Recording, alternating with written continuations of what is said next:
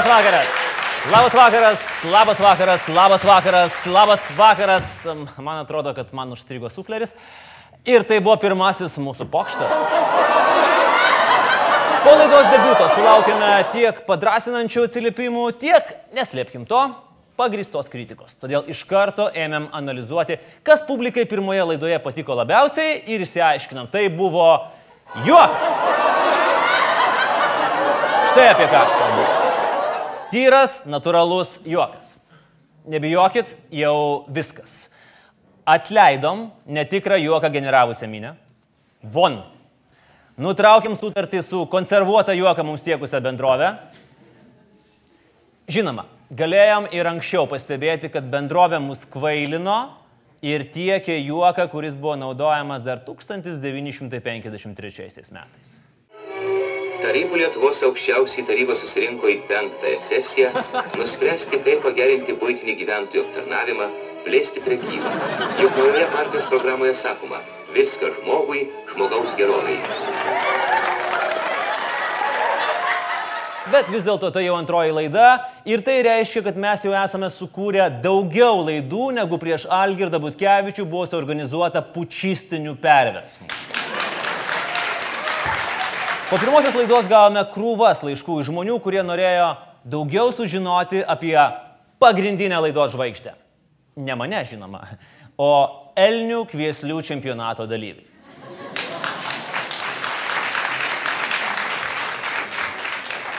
Ir mums pavyko. Pavyko. Po Elnių sunkiai, bet pavyko nustatyti jo tapatybę. Tai yra verslininkas iš Jurbarko. Pasitikite, Daivaras Rybakovas. Pasirodo, kad be mielo ir smagaus hobio kviesti Elnius, ponas Rybakovas turi du gerokai keistesnius hobius. Jis yra konservatorių partijos narys. Nu, keistas hobis, tikrai, labai keistas. Ir jis be abejo kandidatuoja į Lietuvos Respublikos Seimą pagėgių Jurbarko apygardoje. Dar keistesnis hobis, pripažinkime. Kandidatuoja su polėkiu. Kandidatuoja kopijuodamas Gabrielių, kuris savo ruoštų mano, kad yra nerealiai hip ir cool kopijuoti Franką Underwoodą iš House of Cards. Taip.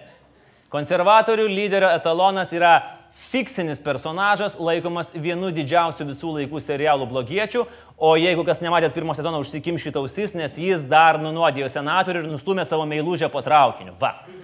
Bet kas mes tokie, kad teistume kopijuotojus, kai visi žino, kad mes patys kopijuojame Vičernį Urganto laidą.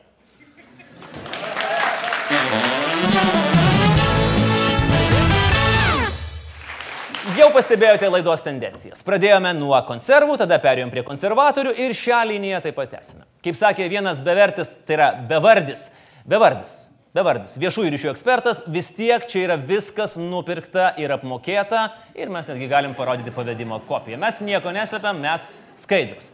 Kai yra toks beprotiškas gyvenimo tempas, na, reikia paramos, be abejo. Kitas dalykas. Neseniai konservatoriai pristatė savo kandidatus į ministrus. Ir ne po vieną. Kai kur po keturis į vieną ministeriją. O kai kur tas pats žmogus gali būti ministras orkestras. Žygimantas Paviljonis gali vadovauti ir kariuomenė, ir užsienio reikalams. Dainius Kreivys eina šlovingais, birutės takais ir kaip asilas Buridano, husarai, Buridano asilas svarsto tarp energetikos ir ūkio ministerijos. Ir ne, Aš tikrai nemanau, kad konservatoriai apgaudinėja rinkėją, pakiždami jam gražiai skambančius vardus, tarsi morkytės asiliukų. Iš tikrųjų, tai aš taip manau, bet tikrai taip nėra. Tikrai nemanau. Jie turi galbūt tokią idėją. Ministrai vienai dienai. Vienoje ministerijoje keturi, keturi ministrai pasidalina po vieną dieną. Penktadienį vis tiek sutrumpinta darbo diena, tai galima apsėti ir be ministro. Ypatingai kai kurios ministerijos tai daro jau ketverius metus. O galbūt jie tiesiog žaidžia. Žaidžia politinį, muzikinį kėdžių žaidimą. Pasižiūrėję galbūt šitą video.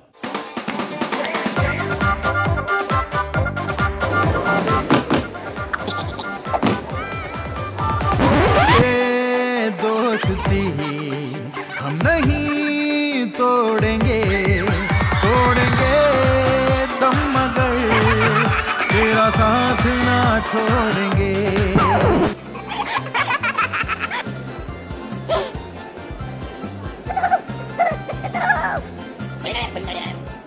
O kas nespėjo atsisėsti į šešėlinę kėdę, kaip sakė vienas partijai artimas nuomonių lyderis, von iš pležo. Ir galbūt net ir užsiemęs dirbos homoseksualams purenimu, Gabrielius Landsbergis, Tevinės sąjungos lyderis, pajuto, kad net ir šešėlinė vyriausybė sugadins šaukštas degutienės, nes nei dagiui, nei degutieniai, net ir šešėlinėje vyriausybėje nebeatsirado vietos. Bet vis dėlto, šešėlinis postas yra vertybė. Dar pamenam, kaip dėl šešėlinio kultūros ministro posto susipjovė Vytautas Jozapaitis ir Mantas Adomėnas. Ir pastarajam buvo pasakyta labai aiškiai. Go back to the shadow. Ir netgi buvo sukurta atskira fikcinė ministerija. Konservatyvaus modernizmo ministerija, kurios šešėlinių ministrų tapo Mantas Adomėnas. Dar vėliau Mantas Adomėnas gavo kitą šešėlinę ministeriją - reformų ir pažangos. Aš suprantu, kad taip reikėjo. Ir niekas nedrįsta to garsiai pasakyti, bet man tai tave apgaudinėja. Tu jais netikėk. Man tai netikėk. Tokių ministerijų nėra. Nėra. Na, o dabar man tas Adomėnas permestas į kultūros ministro sąrašą. Ir jeigu tik šakės kišenė nesutrukdys atsisėsti ant kėdės, kai muzika nutils. Bet atskirai norime pasveikinti du busimuosius ministrus. Finansų ministrą Mykolą Majauską, pirmojų numerių sveikinam, nes vaikščiodamas nuo durų prie durų jis kažkur girdėjo, kad pasirinkėjus reikia ateiti su gėlėmis. Bet kažką gal ne taip suprato, gal ten kažkur užsimetė kažkas ir jis pasimė pasirinkėjus savo gyvenimo gėlės.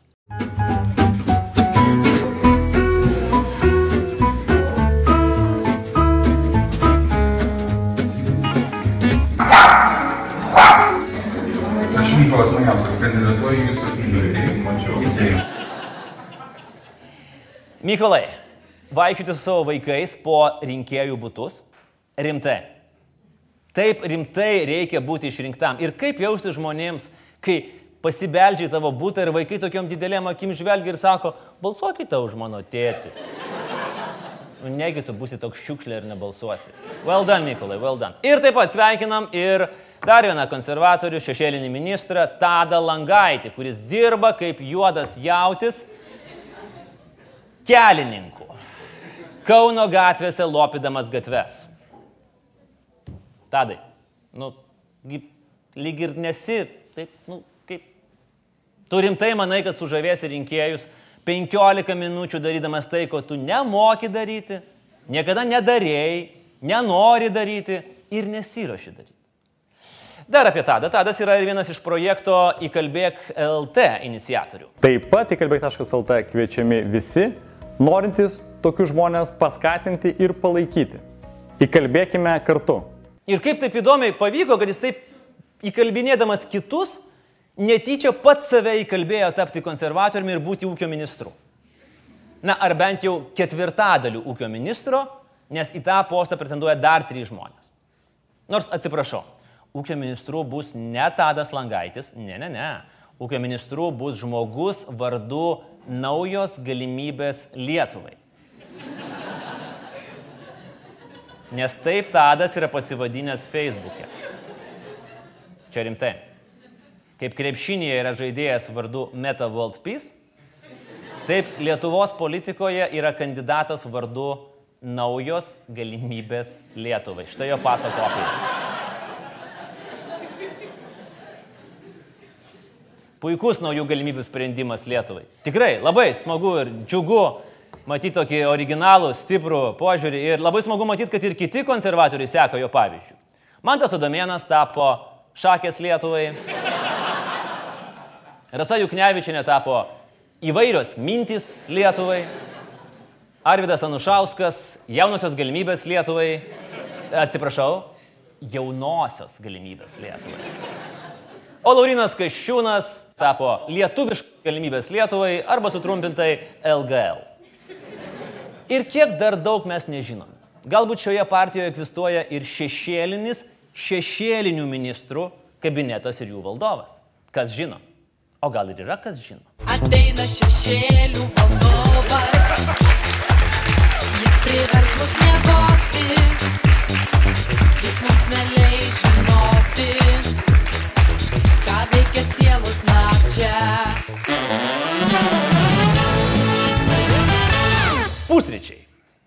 Sveikatos ir energijos šaltinis, žinomas dar nuo antikos laikų. Odisėjoje buvo rašoma, kad vos prabrieškus aušrai šviesus kiauleganys ir Odisėjas ugnį pakūrė troboj ir pusrytį išvirė gart. Galbūt Odisėja, o galbūt Trumeno kapote pusryčiai pas Tiffany su žymėja Audrey Hepburn ekranizacijoje įkvėpė pusryčiauti ir Lietuvos valdžią. Pusryčiai su ministre Algimanta Pabedinskinė. Socialinių reikalų ir darbo ministerija po ketverių metų nusprendė suvilioti jaunimą. Opa. Logiška, nes A. Pusryčiai yra pagrindinis maistas jaunimui. B. Pamaitinti neprivalgiusius šitai ministrai kaip ir pagal pareigas tiktų. Ir C. Pats metas į kadencijos pabaigą, praėjus ketveriems metams, imti kažką daryti su jaunimu. Skelbimas žadėjo galimybę sužinoti, ką valgo ministrė ir kiek žingsnių per dieną nueina ministrė. Lietuvos jaunimui tai be abejo absoliučiai kritiškai, gyvybiškai svarbiausias klausimas. Kiek žingsnių per dieną nueina ministrė Algimanta?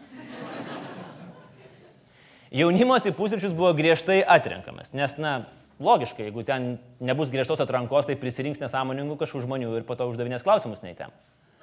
Bet mūsų specialiajam laidos korespondentui pavyko įveikti atranką ir patekti į pusryčius. Ir įrašyti visą šitą pusryčių pas Tifaniną, pas Algimantą, atsiprašau, pokalbį. Pirmas klausimas buvo labai logiškas, be abejo. Toks, koks ir turėjo būti pateiktas skelbime. Kiek žingsnių ministrė nueina? Na, čia jūs lietuvis klausimas, tai Jėzus. Pustasliavot reikėjo. O kai matuoklio aš tai neturiu, tai iš kur man dabar žinau? Spėkit. Jėzus, Jėzus, Jėzus, Jėzus, Algimant. Supratom. Supratom, Algimantą, kad jūs net supratimo neturit, ką jūsų viešųjų ryšių skyrius prirašė. Pusryčiai, Jėzus, Jėzus, būčiau ten pakepus kiaušinienės ar dar kažko. Na, žiūrėkime, kaip toliau klostėsi pokalbis. Galbūt Algimanta kažkiek e, dėmesio skiria sportui. Sportuoti dabar nesportuoju, šiaip dvi- 25 metus žaidžiau profesionaliai krepšinį. 25 metai profesionaliame krepšinėje. 25 metai. Nuo 18 iki 43 ministrė žaidė profesionaliai. Tiesa, mums nepavyko aptikti jokių įrašų apie žaidimą aukščiausiose Lietuvos ar kitų valstybių moterų krepšinio pirmenybėse, bet kas mes tokie, kad abejotume ministrės žodžiu? 25 metai pro karjeros. Ir žiūrėkim, su kuo lyginti reikia. NBA lyga, Robertas Perišas, 23 karjeros metai. Karimas Abdul Džabaras, 20 metų. Džonas Stocktonas, 19 metų. Redži Milleris, 18 metų. Algimanta Pabedinskinė, 25 metai.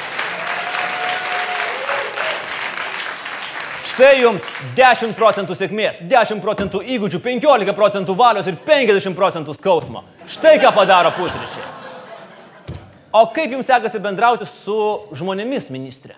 Praeitais metais e, akcija 16 dienų prieš smurtą. Aš pati Gedimino prospektu vaikščiau, kalbinau žmonės, tiesiog kok, kokia jų, jų nuomonė yra, ar jie patyrė, gal jie gali, negali atsakyti, aišku, čia yra labai asmeniška, bet ar jie su ta problema yra susidūrę. Ir įsivaizduojat, praktiškai 90 procentų traukiasi nuo manęs, net nenori kalbėti apie tai. Jėzau, ne.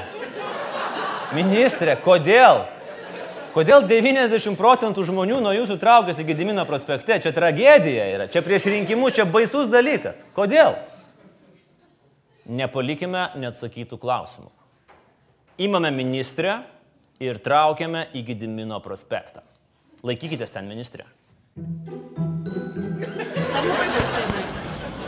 Na gal ir nelabai. Nebėgtumėt? Na turbūt ne.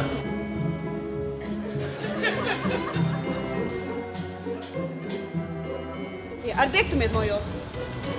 Nežinau, neatrodo, jinai tokia, kad reikėtų nuo jais bėgti. Nu, ne, tikrai nebaisi. Viskas gerai. Nebėgsiu, nebėgsiu. Tikrai tegul ateina. e, Rytoj to pačiu laiku, toj pačiu vietoj. Do you like her? Yeah, he's very nice. She looks like like Anura. She's got the beard. Ne, jokių būdų.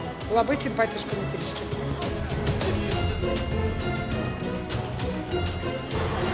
Ar bėgtumėt nuo jos, jeigu užkalbintumėt gėdą prostitutę? Aš ją apsikabinčiau, pabučiuočiau. Pat nuostabiausia moteris. O žinau, Aš jos vardą nežinau, nežinau, bet jinai pati gražiausia. Pažiūrėk. Nu, skaniausia. Ačiū.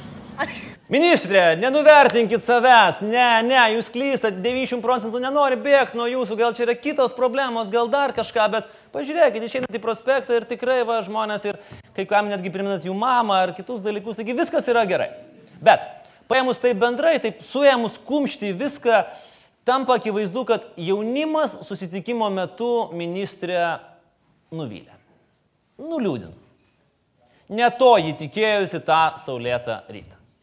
Mes šiandien skyrėme kaip ir susitikimui neform, neformalų tokį laiką, ar ne? Bet vis tiek mes palėtėme, nu, vėlgi tuos formaliuosius visus dalykus. Jau iš tiesų galvojau, kad kalbėsim apie poeziją, apie fotografijas ir visus kitus dalykus. Taip, jaunime. Kur poezija? Kur fotografija? Kur visi tie, nu, žinot, vėl Jėzus dalykai? Ko jūs apskritai klausinėjat? Bandau apsispręsti, kur man planuoti savo ateitį, kaip ar Lietuvoje, ar užsienyje, tai galbūt šis susitikimas duos kažkokių gairių, ko man tikėtis ateityje. Tiek. Ačiū, ačiū, kokie sudėtingi klausimai. Kaip čia dabar nuspręsti reikės ir ką čia reikės padaryti ir kaip čia padėsi. Kokie sudėtingi klausimai. Ką daryti, kaip padėti, tik neperstimkit ministrė, nes tiek sudėtingų klausimų dar laukia, kiek žvaigždžių danguje. Kaip manote, ką reikia padaryti ir ką būtent vėlgi padarėte e, dėl, na, kad išvengti soviečių tragedijos pasikartojimo? Tai saviečių, tai jūs turite omeny ten... e, Su šuliniu. O dabar rimtai. Išgirdus saviečių pavadinimą, socialinės apsaugos ir darbo ministrai turėtų šiauštis oda, pradėti tankiau plakti širdis, nes tai yra didžioji jos kadencijos metu nutikusi katastrofa. Saviečiai turėjo tapti simboliniu užrašu ministrė ant delno, kuris turi neleisti ne dienai užsimiršti ir kantriai juodai dirbti, kol nebus atlikti visi įmanomi darbai, kurie privalėjo būti padaryti. O dabar ką mes turim? Um, saviečiai, saviečiai. Mm, priminkit, kažkur girdėta. Dabar įsivaizduokit, Džordžas W. Bushas sako, jam kažkaip rugsėjo 11 su kažkuo asocijuojasi. Arba Davidas Cameronas, paklausęs apie Brexitą, tikslinasi, čia gal koks naktinis klubas Londone? Bet po pauzės ministrė prisimena saviečius. Padaryta yra labai daug. Mes prieėmėm e, naują darbo su socialinės rizikos šeimomis e, nutarimą, vyriausybės nutarimą, kuriame labai aiškiai apibrėžiame, kad kitos institucijos turi įsijungti į būtent šitą veiklą. Padaryta labai daug. Labai. Priėmėt vieną nutarimą, kuriuo bandot nufutbolinti atsakomybę kitoms institucijoms. Ir jeigu dar iš pradžių buvo kažkoks judėjimas, kažkoks dėmesys, po to vis slopo, slopo, slopo ir slopo ir galbūt apskritai būtų geriau net ir pamiršti tą tragediją. Bet kaip mes ją galim pamiršti? Kur yra konkretus įgyvenintų veiksmų planas? Kur pirmieji rezultatai? Kur planai, kur darbai? Nėra. Yra darbo grupės, yra pasitarimai, bet taip operuoja šita vyriausybė. Ir jeigu jūs, ministrė, būtumėt vadovavusi piramidžių statybai, tai dabar dar archeologai atrastų tik brėžinius ir darbo grupės aprašus. Pustrišiai su Elgimanta. Beveik taip pat kaip popietė su Čekoliu, tik gerokai ryšliau ir aiškiau yra kalbama popietėje, net ir su titrais. Kas nesudalyvavot, nenusiminkit, nenusiminkit, bus dar kitų progų. Ministras tavo kieme. Fantastika. Viskas, ko reikia iki pilnos laimės, tai tavo kieme darbo metu, pasižiūrėkime laiką, darbo metu besitrinantis ir saulėgražas gliaudantis ministras.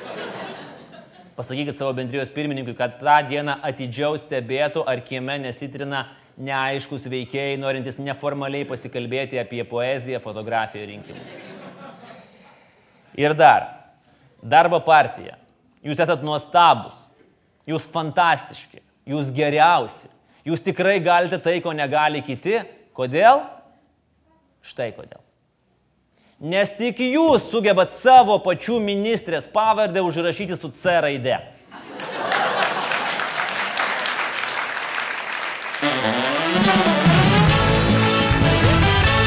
O dabar pagrindinė laidos tema - pinigai ir politikai. Jau matėme, kas politikus perka, o kas tik skolinasi. Atsisveikinsime su dideliais komunaliniais mokesčiais. Ir sukursime tūkstančius gerai apmokamų darbo vietų.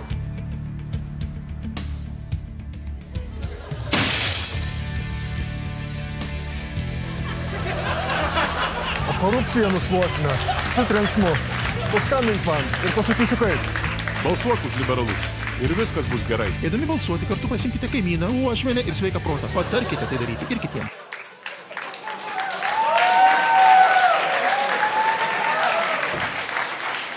Nėra tos reklamos internete, kuri kada nors negrįžtų ir neįkastų tau į užpakalį. Čia jau yra įrodytas faktas. Kai kas politikus naudoja kaip veiklos nuomą, o kai kas kaip greitai kreditą. Ir kasgi jiems padeda atlaikyti tą beprotišką gyvenimo tempą? O kas nepadeda kandidatams į Seimą? Taip, prievolė atskleisti savo finansus. Ji yra tokia pat maloni kaip odontologo kvietimas, kuris sako, išsižiokit visai neskaudės. Nors tu žinai, kad skaudės, žinai, kad skaudės, bet jeigu dėlsi susitvarkyti, skaudės dvigubai. Arba tas vaikystės jausmas, kai eini iš mokyklos su pastaba pažymių knygelėje, už išdaužtą langą ir žinai, kad tėvai greičiausiai sužinos. Patys kandidatai norėtų nei patys matyti tų finansų deklaracijų, nei kad kiti jas matytų. Štai vidaus reikalų viceministras, socialdemokratas Justas Pankauskas, tuoj pat įtūžo pasirodžius informacijai, kad jis paėmė 620 tūkstančių eurų būsto paskolą ir iš karto konstatavo - melagiai. Bet jūs tai.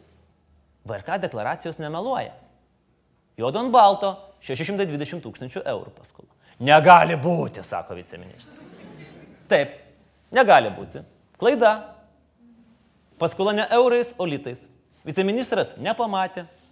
Viceministras panarinės galvą keliauja taisyti deklaracijos ir murma apie klaidą deklaravimo sistemoje.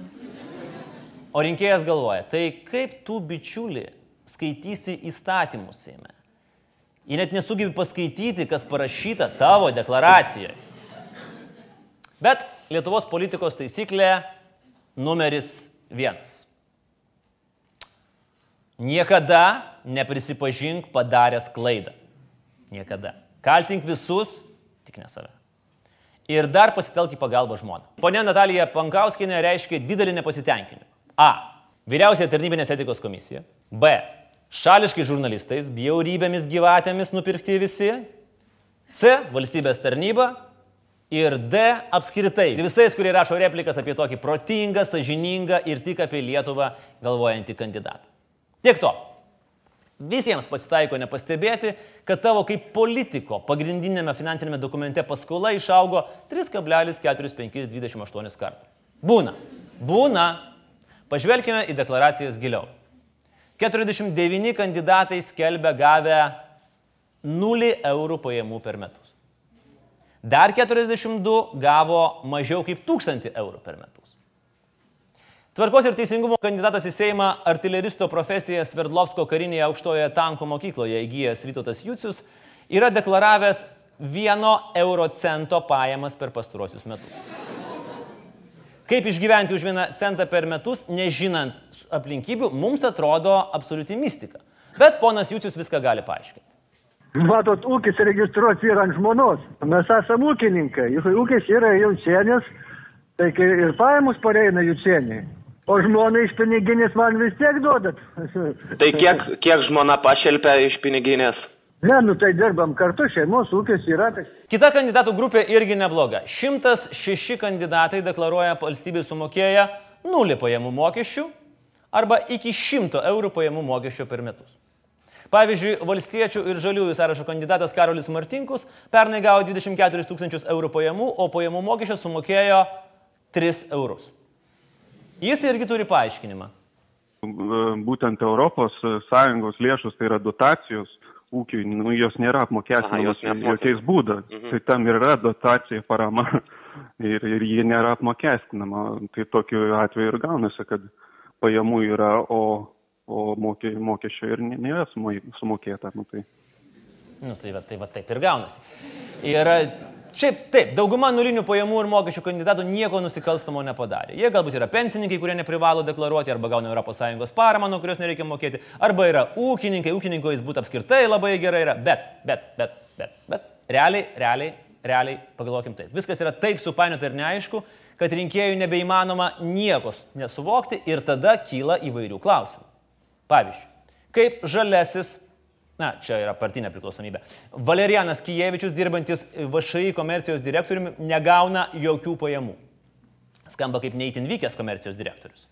O dar geriau, kaip neturėdamas pajamų, jis turi 200 tūkstančių eurų paskolą. Manęs praeitus metus nebuvo Lietuvoje, todėl Lietuvoje tų pajamų aš ir negavau. Nes 2015 metų didžiąją dalį aš buvau užsienyje. O ką veikėte, jeigu nepaslaptis? Keliavom, žmonai padėjau kurti e, startupą. Mhm. Nes čia tokia įdomi tada situacija, kad jeigu jūs keliavote, bet paskolos neišsimokinėjote, nes neturėjote pinigų, tai... Nu, tam tikrą sumą aš turiu palikti savo pragyvenimui. Ir pinigų neužtenka tam, kad e, mokėti bankui. Man atrodo, jis pats nesupranta, kas vyksta su pinigais. Pavyzdžiui, kaip valstietis Antanas Kliunka, užduosios akcinės bendrovės Javai direktorius negauna jokių pajamų, bet turi sukaupęs ir lėšų, ir 60 tūkstančių eurų paskolą. Aš neėmiau iš savo įmonės atlyginimo, paskola paimta 29. Bet tai kaip ją išsimokinėti, tarkim, jeigu praėjusiais metais jūs negavot jokių pajamų? Kodėl negavau? Gavau, žmona gauna, uždirba tik normaliai mano žmona. Kaip suprantu, turėsim naują Seimą, viskas bus paremta ant žmonių. Kaip pavyzdžiui, Irenijus Zaleckis, e, drąsos kelias, kas daug ką pasako, uždraustas akcinės bendrovės Zalesas direktorius negauna jokių pajamų, bet turi 400 tūkstančių eurų turto ir 180 tūkstančių eurų paskolą. Jisai mums ragelio nekėlė. O pavyzdžiui, kaip buvęs Kauno meras Erikas Tamašauskas. Viešosios įstaigos vadovas gauna per metus 208 eurus pajamų, tai yra maždaug apie 16 eurų per mėnesį, bet turi sukaupęs 87 tūkstančių eurų lėšų ir turi paskolą. Jūs paskolą išsimokinėjate iš tų turimų lėšų ar, ar kokiu būdu? Be abejo, be abejo, iš santaupų, kadangi tuo metu e, 15 metais buvo, na, tokia sudėtinga situacija, niekur nepavyko įsidarbinti, pradėti savo verslo, tai taip ir gavosi. Ne? Tai labai elementaru yra, žmogiška. Tai va taip pat ir gavosi. Jeigu jau niekur nebepa- neįsidarbint pavyksta, nei, nei verslo negali sukurti, tai tada eini į Seimą. Nu, taigi taip ir pat ir gaunasi. Čiagi elementaru, čia, čia yra žmogiška. Reikia suprasti kandidatus. Kaip pavyzdžiui, konservatorė Asta Eigirdinė, europarlamentarų Gabrielius Landsbergio ir Laimos Andrikinės padėjėja, gauna 1708 eurus metinių pajamų, bet turi turto už 148 tūkstančius eurų ir 138 tūkstančius lėšų. Vokietijoje pardaviau namą, paveldėjau turtą iš vyro vokiečio ir grįžau į Lietuvą ir, ir nusipirkau namą, dabar vėl jį pardaviau ir turiu paveldėjimą iš Australijos, nemažą. Toks pavydukas toks.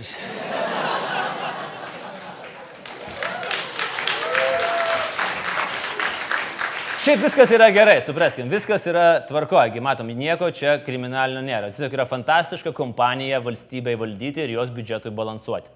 Pajamų nėra, paskolų yra. Paskolų yra, pinigų nėra. Ir aš tokius veikėjus galėčiau vardinti iki rytas išauš, bet pasižiūrėkime dar į trečiąją kandidatų grupę, kurie gauna labai daug pajamų, bet sumoka labai mažai mokesčių. Tai yra ūkininkai. Ir viskas vėlgi yra legalu, viskas yra tvarkoje, bet vis dėlto, kai tu pasižiūri, kaip Lenkas, čia partinė priklausomybė, Antonij Jundo taip susiptimizuoja, kad nuo 1,8 milijono eurų pajamų sumoka 8 tūkstančius eurų mokesčių. Kaip valstietis ūkininkas Petras Nevulis nuo 270 tūkstančių eurų pajamų sumoka 156 eurus mokesčių. Kaip ūkininkas Andrėjus Virkutis nuo 260 tūkstančių eurų pajamų suoptimizuoja į 1200 eurų mokesčių. Kaip Seimo narys darbėtis ūkininkas Sergei Ursul iš 700 tūkstančių eurų pajamų sumoka 4600 eurų mokesčių, hu, darosi taip. Neblogai, bet niekas neperskaičius socialdemokratų kandidato buvusio Trakų rajono mero ūkininko Vytauto Zaliesko ir jo skaičių. Pajamos 189 tūkstančiai eurų, mokesčiai 0. Suoptimizuota iki nu viską išleidom, viskas, viską, kad tik valstybė nemokėtų. Mama, kodėl man tu to anksčiau nesakėjai, mama, kodėl tu manęs neįspėjai, kad taip gerai, mama, aš noriu būti ūkininku. Nebejotina, kad viskas čia sutvarkyta teisėtai ir pagal įstatymus. Kaip sakoma, dura lex, set lex. Bet vis dėlto, vis dėlto, jeigu tu savo valstybei, jos keliams ir miestams, jos vaikams ir seneliams, jos policininkams ir mokytojams skyriai 0,05 procentų savo pajamų arba iš viso 0 eurų, ar tu tikrai vertas eiti ją valdyti? Ir vienintelis žmogus, vienintelis žmogus, kuris gali padėti kažką išsiaiškinti, tas, kuris matė rinkimus dar tada, kai Tiberijus Grachas buvo išrinktas tribūnų senovės Romoje. Tas, kuris vadovavo rinkimams dar tada, kai rinkėjai, gatherers, buvo medžiotojai, hunters. Tas, kuris yra vienintelė ir nepakeičiama Lietuvos konstanta. Ponios ir ponai, pasitikite pas mane svečiuose amžinasis Zenonas Vaigauskas.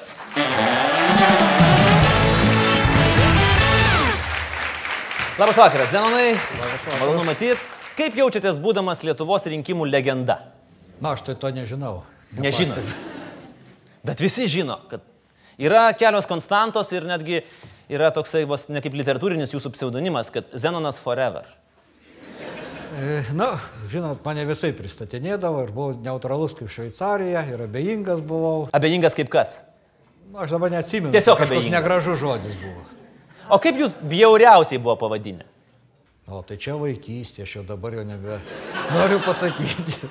Jūs norite pasakyti, kad ir vaikystėje buvot rinkimų komisijos Ne, ne, pirmininkas? aš vaikystėje buvau, reiškia, irgi pravardžiuojamas už tai, kad per daug gerai mokėsi ir profesoriumi, ir dar visokiais ten dalykais. Supratau. toks griekas. Visi lauks jūsų frazės, tokios kultinės frazės, galbūt po rinkimų, kad tai yra paskutiniai jūsų rinkimai. Jūs tą sakot jau 20 metų. Vienu metu netgi laikraštis buvo išėjęs toksai, reiškia, pagaliau jo jau nebėra komisijos pirmininko. Aš irgi apsidžiaugiau, daiktus buvau susikrovęs, bet paskui mane kviečia Seimo pirmininkė, sako, žinot, jūsų to įpėdinio nepatvirtinom, tai gal galėtumėte ateiti. Tada jis pasidėjo tos daiktus, išsikrovė. Ne, daiktų aš nepasidėjau, taip ir liko dar. Ai, daiktai yra paruošti bet kada. Nuo 94 metų jūs vadovaujat VRK, kurie buvo patys įspūdingiausi rinkimai. Man galbūt sunkiausi rinkimai, tokie spūdingiausi buvo 98 metais, kada Adamkus ir Polauskas, prezidento rinkimų antras ratas, e, Lenkai praneša e, įvairios duomenės, reiškia, kad laimėjo vienas kitas prezidentas, pas juos laikraščiai. Pas mus... O kodėl Lenkai pranešinėja apie rinkimus? nu, matot, pas mus pasakė, kad dar nežinom, kas išrinktas. O Lenkai jau žinojo? O Lenkai jau žino iš anksto prognozijas. Nu, pas juos ten laikas valandą. Viena, viena žiniasklaidas vienaip, kitas kitaip. O pas mus pačius kompiuteriai, tai vienu metu vienas kandidatas, kitu metu kitas kandidatas. Tai buvo turbūt vieni iš pačių sunkiausių rinkimų, bet man paliko tokį patį didžiausią nu, nu, nu, įspūdį, kad e, Polauskas atėjo ir pasveikino Damku. Jisai pripažino, kad va štai toks nedidelis skirtumas balsų yra. Tiesa, dar ten maždaug savaitę laiko jo komanda labai atidžiai tikrino, ar nėra kokių nors tokių dalykų. Aš atsimenu ir Pakso rinkimus buvo, nu čia mes dabar kal- Tai jisai niekaip nenorėjo patikėti, o mūsų, reiškia, rezultatas buvo akivaizdžiai jau ten e, per 5 procentus, reiškia, skirtumas buvo.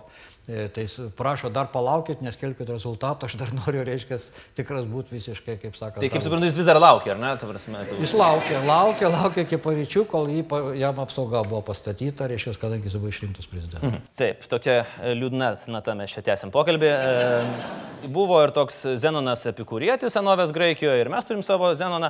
Jūsų paradoksas yra tas, kad visi lauks, ar užlūš VRK serveriai per rinkimų naktį. Jo, skaičiausia, kad mes tų serverių neturim nei vieno, dirbam debesyse. O mane įtarinėja, kad aš ar tai su atsuktuvu, ar tai su lūpų dažais, kaip kad tai būtų tos kompiuterio rezultatus ant monitorių tvarkau. Ir iš tikrųjų keista, skaičiuojant balsus apylinkėse yra stebėtai partijų kandidatų. Jie mato internete tos rezultatus ir gali palyginti, ar tą, ką suskaičiavo apylinkė, kiekvieną biuletenį tokie ir yra. Jie tokie. Bet mūsų kompiuterio sustojo, ne, rezultatai kažkokiu mystiniu būdu galbūt pasikeitė. Tai dabar jeigu jūsų čia kuri nors kamera užlūštų, sakykime. Tai mūsų pokalbis nuo to pasikeistų ar ne? Mūsų pokalbis visai nepasikeistų, bet kai pas jūs kažkas užlūšta, tai gali valdžia pas mus pasikeistų.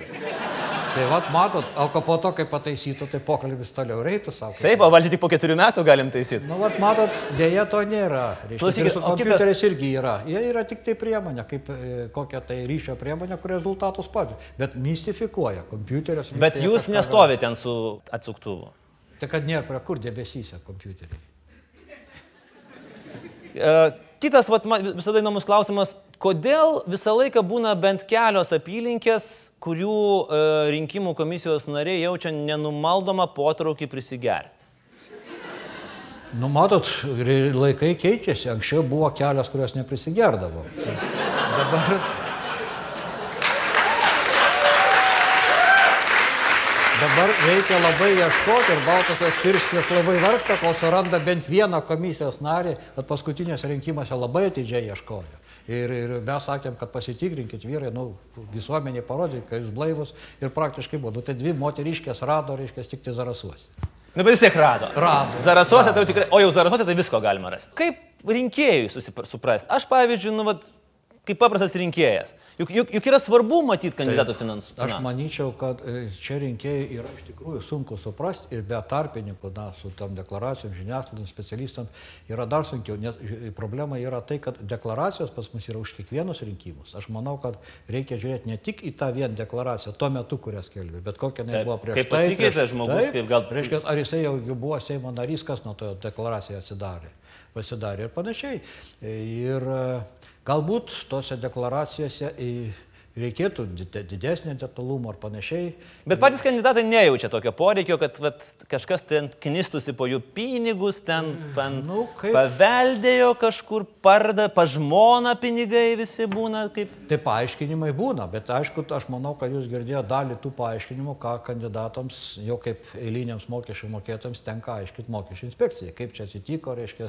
Bet tai mokesčių inspekcija, tarp kitko, visų tų deklaracijų dalykų, mokesčių, kur jie ne, nemėgsta aiškinti, laiko, kad tai yra paslapti. Paskutinis klausimas. Zenonai, kas laimės rinkimus? Rinkėjai, kaip visada. O ką pasakytumėt jauniems žmonėms, kodėl jie turi ateiti spalio 9 rinkimus? Todėl, kad mm, keturis metus tai, ką jie išrinks, iš tikrųjų ir valdys Lietuvą. Ir kitą kartą jauni žmonės nusivylė. Vieną kartą rinko, po to žiūri, jisai ten blėnių šneka, reiškia jau po mėnesio ar dar greičiau. Dar greičiau būna kartais. Nu, visko būna.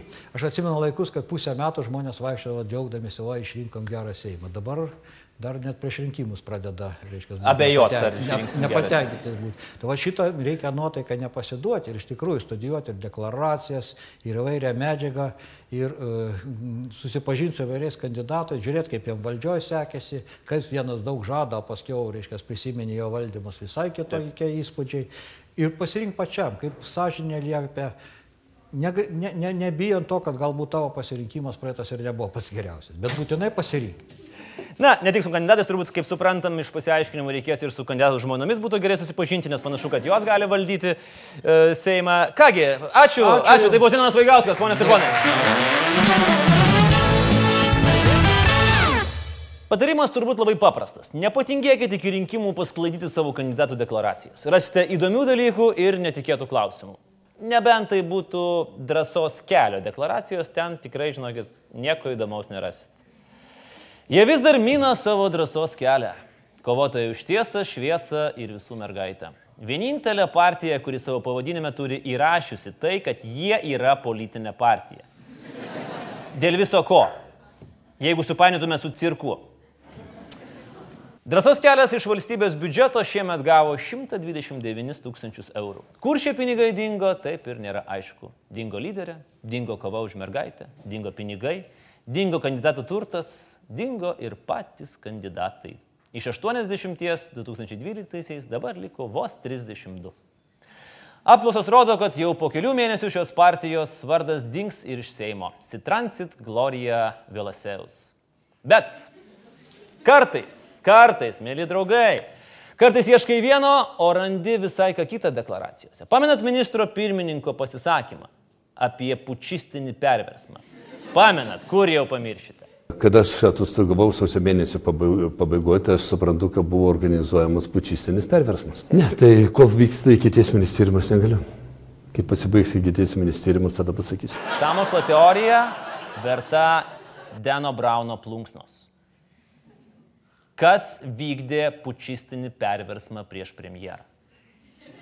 Mes žinome kas. Tai yra vienas iš jo kabineto narių. Tikrai ne ministrės. Jos neatskirtų pučio nuo branšo.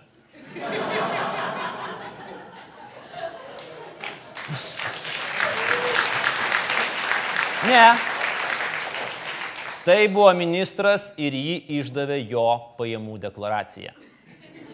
Taip, Juozas Olekas pernai gavo dovanų brangų šautuvą ir netokį brangų kardą. Tiesa, Kai pradėjom domėtis, šautuvas iš VRK deklaracijos dingo. Skambinam į krašto apsaugos ministeriją, klausim, kur šautuvas, jis sako, ačiū, kad domitės. Tai maždaug čia viską galima būtų išnešti. Niekas nežino, kuris dingo. Na, na, na, čia iš debesų kažkas tą šautuvą pagrobė. Nežinau. Nematėte? Ne, aš manau, kad neturėtų pasikeitimų būti, nes visus pasikeitimus, jeigu jie būtų, tai mes Gerai, tai žinoti. jūs Oleko šautuvą neėmėt. Ne, ne, ne tai, kad neėmėm, bet mes saugom ir įrašą apie jį. Nėra įrašo. Patikrinsim. Patikrinsim. Gerai, kartu patikrinsim ir pranešim. Na, bet kas įspėtas, tas apginkluotas. Ne veltui krašto apsaugos ministras turi ir kardą, ir šautuvą. Išvadas pasidarykite patys. O mes dėl viso pikto pasakysime Viva el ministrė. Nes dėl viso pikto, nes nežinai kas. O pačiai pabaigai rubrika Kas geresnio premjerė ir kandidatas šį kartą į premjerus, Gabrielius Landsbergis, dalyjasi mintimis, kągi jam pavyko nuveikti tapus konservatorių partijos lyderiu. Mūsų labai dažnai, gal ir kartais ir kaltindavo, ir teisingai primesdavo, kad mūsų partijos nariai turi saitų su teroristinėmis grupuotėmis. Iš tikrųjų, turime daug žmonių, kurie, a, kurie galbūt siekė tiesioginio terorizmo Lietuvoje, bet galbūt irgi nejautė galimybių tai padaryti. Mes stebime tam tikras nuotaikas Kauno Žaliakalnio e, apygardoje. Ir šiandien akivaizdu, kad turime daug žmonių, kurie gyvena siubingose sąlygose. Tai aš to labai džiaugiuosi. Aš pats noriu pritraukti šimtus tūkstančių pabėgėlių į partiją, kurie gali stipriai paveikti kai kurių konkurentų saugumą. Mano partija turbūt vienintelė, kurie gero net neša Lietuvos žmonėms, jeigu partija patikės vesti sąrašą kai bus suformuoti, baigti suformuoti sąrašai, aš grįšiu iš Europos parlamento ir atsakysiu gyventi normalų gyvenimą. Tai aš manau, kad iš ties nusimato nepaprastai daug politinių žiaurumų Lietuvoje. Mūsų partijos nariai jo, jo, jokių šansų neturi būti atviresni visuomeniai. Mes suskirstom į savus ir nesavus, nerodom šiltumo, nerodom atvirumo. Na, kaip ir anksčiau, taip ir dabar. Ponės ir ponai, štai tiek šį vakarą. Ačiū, kad žiūrėjote, pasimatysime kitą savaitę ir Laikykitės ten. Iki.